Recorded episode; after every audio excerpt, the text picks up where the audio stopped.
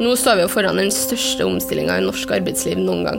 Ikke bare ei grønn omstilling, men vi har også automatisering som utfordrer det arbeidslivet vi kjenner og har kjent lenge.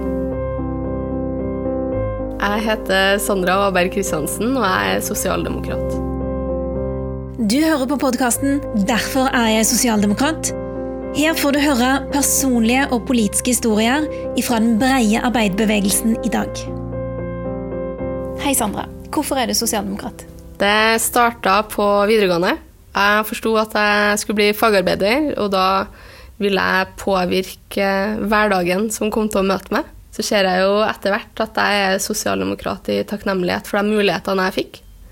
At jeg kunne bli det jeg ville, få verdens beste elektroutdanning helt gratis, få meg fast jobb.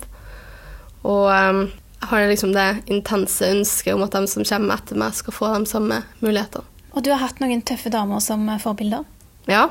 Jeg bruker å si at det er to forbilder her i verden. Det er farmor og det er mormor. Begge var tillitsvalgte og sosialdemokrater. Farmor i Nord-Norge meldte seg inn i AUF fordi det ikke fantes noen fagforening i nærheten for hun. Og mormor i Trondheim, som var første kvinnelige portør, og dermed også første kvinnelige tillitsvalgt på St. Olavs. Og du ble sjøl første kvinnelige klubbleder i Trøndelag i din fagforening. Så du har rett og slett gått i deres fotspor? Ja, og det er overhodet ikke noe bevisst. Det bare ble sånn. Og det gjør kanskje det hele enda mer, eller enda finere, da. At det var ikke noen som dytta meg i noen retning, det bare ble sånn. Hva var det du lærte av bestemødrene dine som kanskje danna et grunnlag for deg? Jeg tror det er den grunnleggende rettferdighetssansen. Det var liksom ingen tvil om at hvis du hadde meg i brødskive på skolen, og kameraten ikke hadde, så delte du brødskiva di. Mm. For det var bedre at begge var halvmette enn at en var stappmett og en var skrubbsulten. Mm. Og så forteller du jo at du hadde lyst til å påvirke hverdagen din. Hva var det du hadde lyst til å påvirke? Jeg opplevde jo i stor grad at, at eh, fagarbeidere eller arbeidere sto litt sånn på utsida og pekte på alt som var galt istedenfor å gå inn og peke på det som var galt, og gjøre noe med det. Så det var liksom det som var utgangspunktet mitt. Og du kom jo ganske raskt eh, ut i arbeidslivet. Eh, hvordan var det? Det var brutalt på et vis. Du, du blir voksen veldig fort. Det er en stor overgang fra skole og inn i lærlingetida, arbeidslivet og, og sånn. Men ellers veldig fint, da. Man ble jo en del av et arbeidslag, et akkordlag, med fantastiske kollegaer som både vært vennene dine, men også folk som lærer deg et fag. Da. Og hva så du i hverdagen din på jobb som du tenkte at du hadde lyst til å ta tak i? Du så jo på sett og vis urettferdighet i praksis, da. ene er at du ser store forskjeller mellom de som har ordna lønns- og arbeidsvilkår, de som har tariff, og de som ikke har det. Men så ser du også forskjellen på oss som hadde ja, en fast jobb, som kunne si ifra hvis ting ikke var greit, hvis man mente at noe var kritikkverdig, så fikk du ikke store konsekvenser for deg sjøl hvis du sa ifra. Men så hadde du også det stikk motsatte. De som jobba natt og dag for å ferdigstille byggene, og som helt klart hadde store konsekvenser hvis de sa ifra. Det er kanskje liksom det som gjorde inntrykk på det viset. Og hva gjorde det med deg når du var fersk ute i arbeidslivet og så dette? Du får jo en lyst til å gjøre noe med det, da. Akkurat som på en måte gir det en ekstra drive i at OK, nå har jeg valgt å engasjere meg politisk. Jeg ser hvordan hverdagen er, og jeg vet hvor skoa trykker. Da er det jeg som må sørge for at man endrer det man ser, da. Og så ble du tillitsvalgt ganske tidlig, og fikk muligheten til å ta opp ting på den måten. Hvordan var det å være tillitsvalgt? Det å være tillitsvalgt det er på ingen som helst måte noe dans på rosa. Du er litt sånn ja, mellom barken og veden, da, skulle jeg til å si. For du er enig i det at du må forholde deg til medlemmer og hva de ønsker og deres beste, men så må du også forholde deg til sjefer som har vært i gamet nesten lenger enn du har levd. Sa de det? Nei, ingen kommentar. men uh, bare det at du har vært den første kvinnelige klubblederen i fagforeningen din i Trøndelag, gjør jo at eh, jeg tenker eh, Hvorfor i alle dager tok det så lang tid? Hvorfor tok det mer enn 100 år da, før man fikk en kvinnelig klubbleder? Altså, Én ting er jo liksom det åpenbare, da, at vi var jo ikke mange damer. Vi er ikke mange damer. Men så krever det jo at hvis man ønsker at flere damer skal få plass og posisjoner, så må man jobbe aktivt med det. Det kommer ikke av seg sjøl. Og det er klart at når man i utgangspunktet ikke har noen kvinnelige forbilder heller, så gjør det ting vanskeligere. Så jeg tror det er veldig sammensatt og det er vanskelig å peke på én ting. Men det som gleder meg mest av alt, er at etter jeg ble klubbleder, så kom det flere damer etter meg. Det var litt som å åpne en dør? Ja, det kan jo i hvert fall virke som det. Ikke at jeg tror jeg var sånn voldsomt avgjørende det hele, men at hvis man ser det i det store bildet. Er det noen øyeblikk fra da du var lærling til da du ble klubbleder som gjorde spesielt inntrykk på deg? Jeg husker veldig godt 28.1.2015. Eh, da var det den største streiken i nyere tid. Politiske streiken. Mot endringene i arbeidsmiljøloven. Um, og det er liksom en følelse som sitter veldig i deg, da. Fordi på ett vis, når vi sto på torget i Trondheim, og det var liksom 10 000 Det var folk så langt øyet kunne se. Så føler du deg veldig liten, fordi man er liksom én av mange. Men samtidig så føler man seg veldig stor. For da på en måte innser man hvilken stor bevegelse man faktisk er en del av. At man er en del av noe som er større enn seg sjøl. Og hva var det som gjorde at det var så viktig for deg å være en del av denne streiken? For meg så var det jo et veldig eh, visuelt bevis da, på at arbeidsfolk sa ifra at det her ikke er greit. Der slo man liksom skulder til skulder med snekkere, sykepleiere, lærere.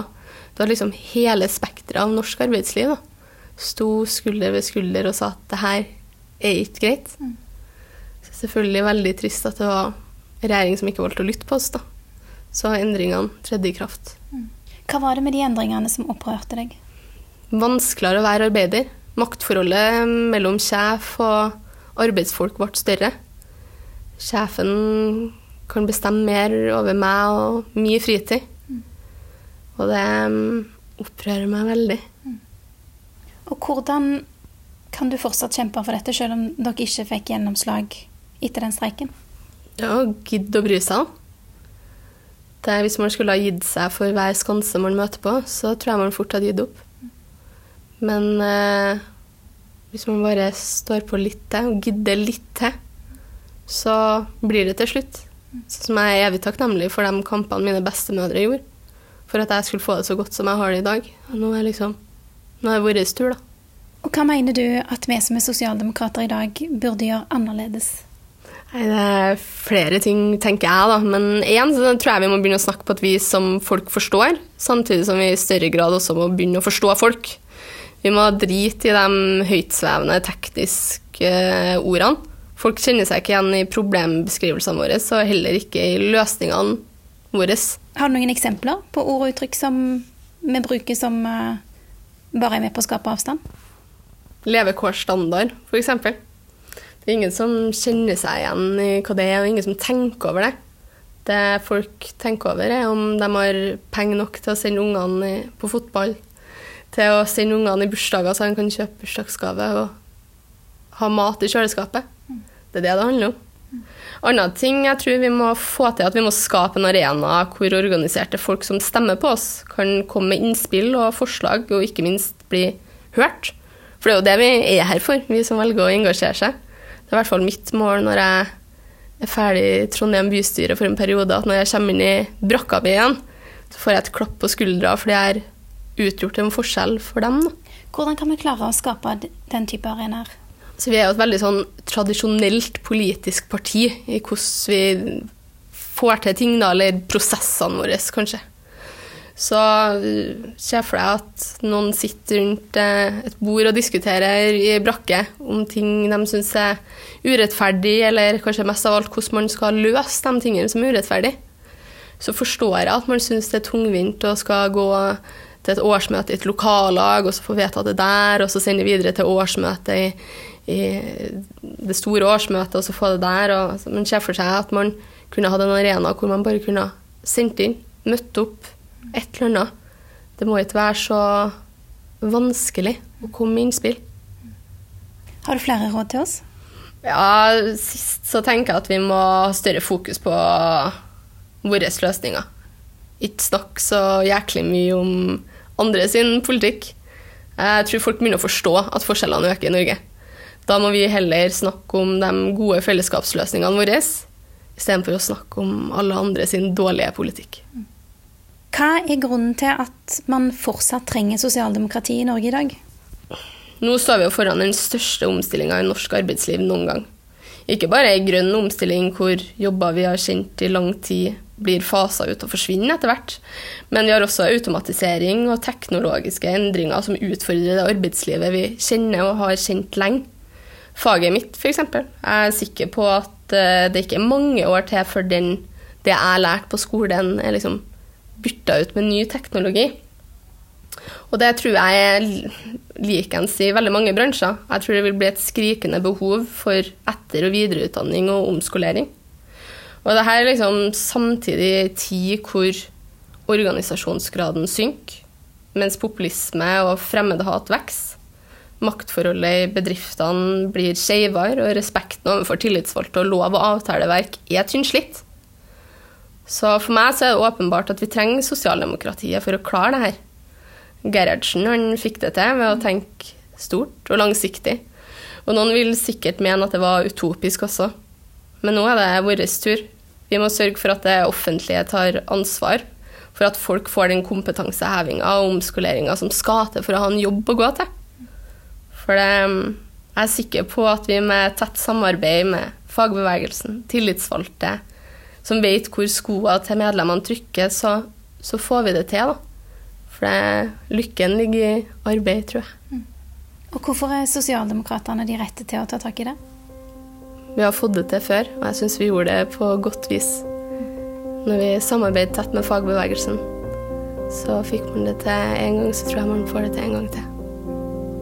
Tusen takk. Det var Sandra Aaberg Kristiansen.